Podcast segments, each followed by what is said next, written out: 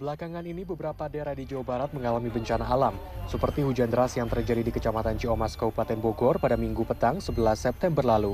Hujan deras membuat tebing setinggi 10 meter longsor dan mengakibatkan sedikitnya tiga rumah warga rusak.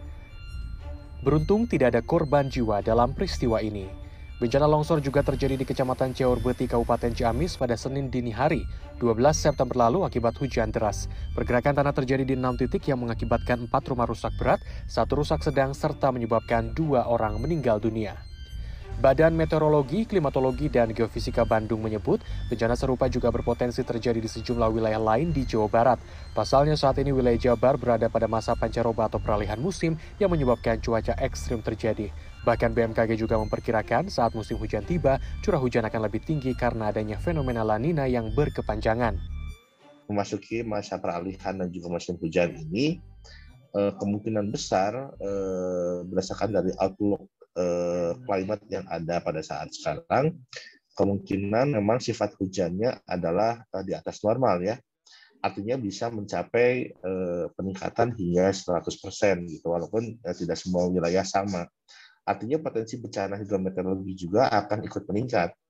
Eh, bencana seperti misalnya tadi banjir genangan maupun banjir bandang, tanah longsor, eh, angin kencang atau puting beliung, bahkan mungkin hujan es juga akan eh, terjadi juga ya.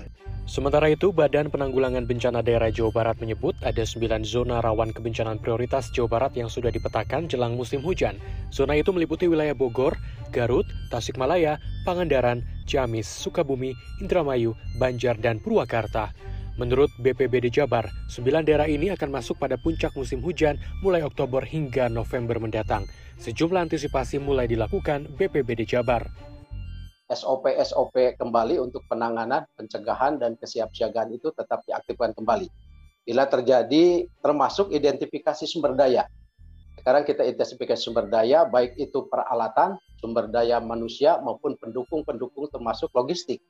Nah itu harus sudah diidentifikasi seberapa besar, sehingga antisipasi itu menjadi bagian yang tidak terpisahkan bila terjadi kalau memungkinkan memang dirasa perlu, nanti juga kita uh, dorong supaya wilayah-wilayah itu juga mengaktifkan poskonya. Posko, uh, kita ada istilah posko siaga darurat. Budi Juanda juga menambahkan sosialisasi pada warga akan adanya potensi bencana gencar dilakukan sebagai bentuk mitigasi kebencanaan. Tim Liputan CNN Indonesia.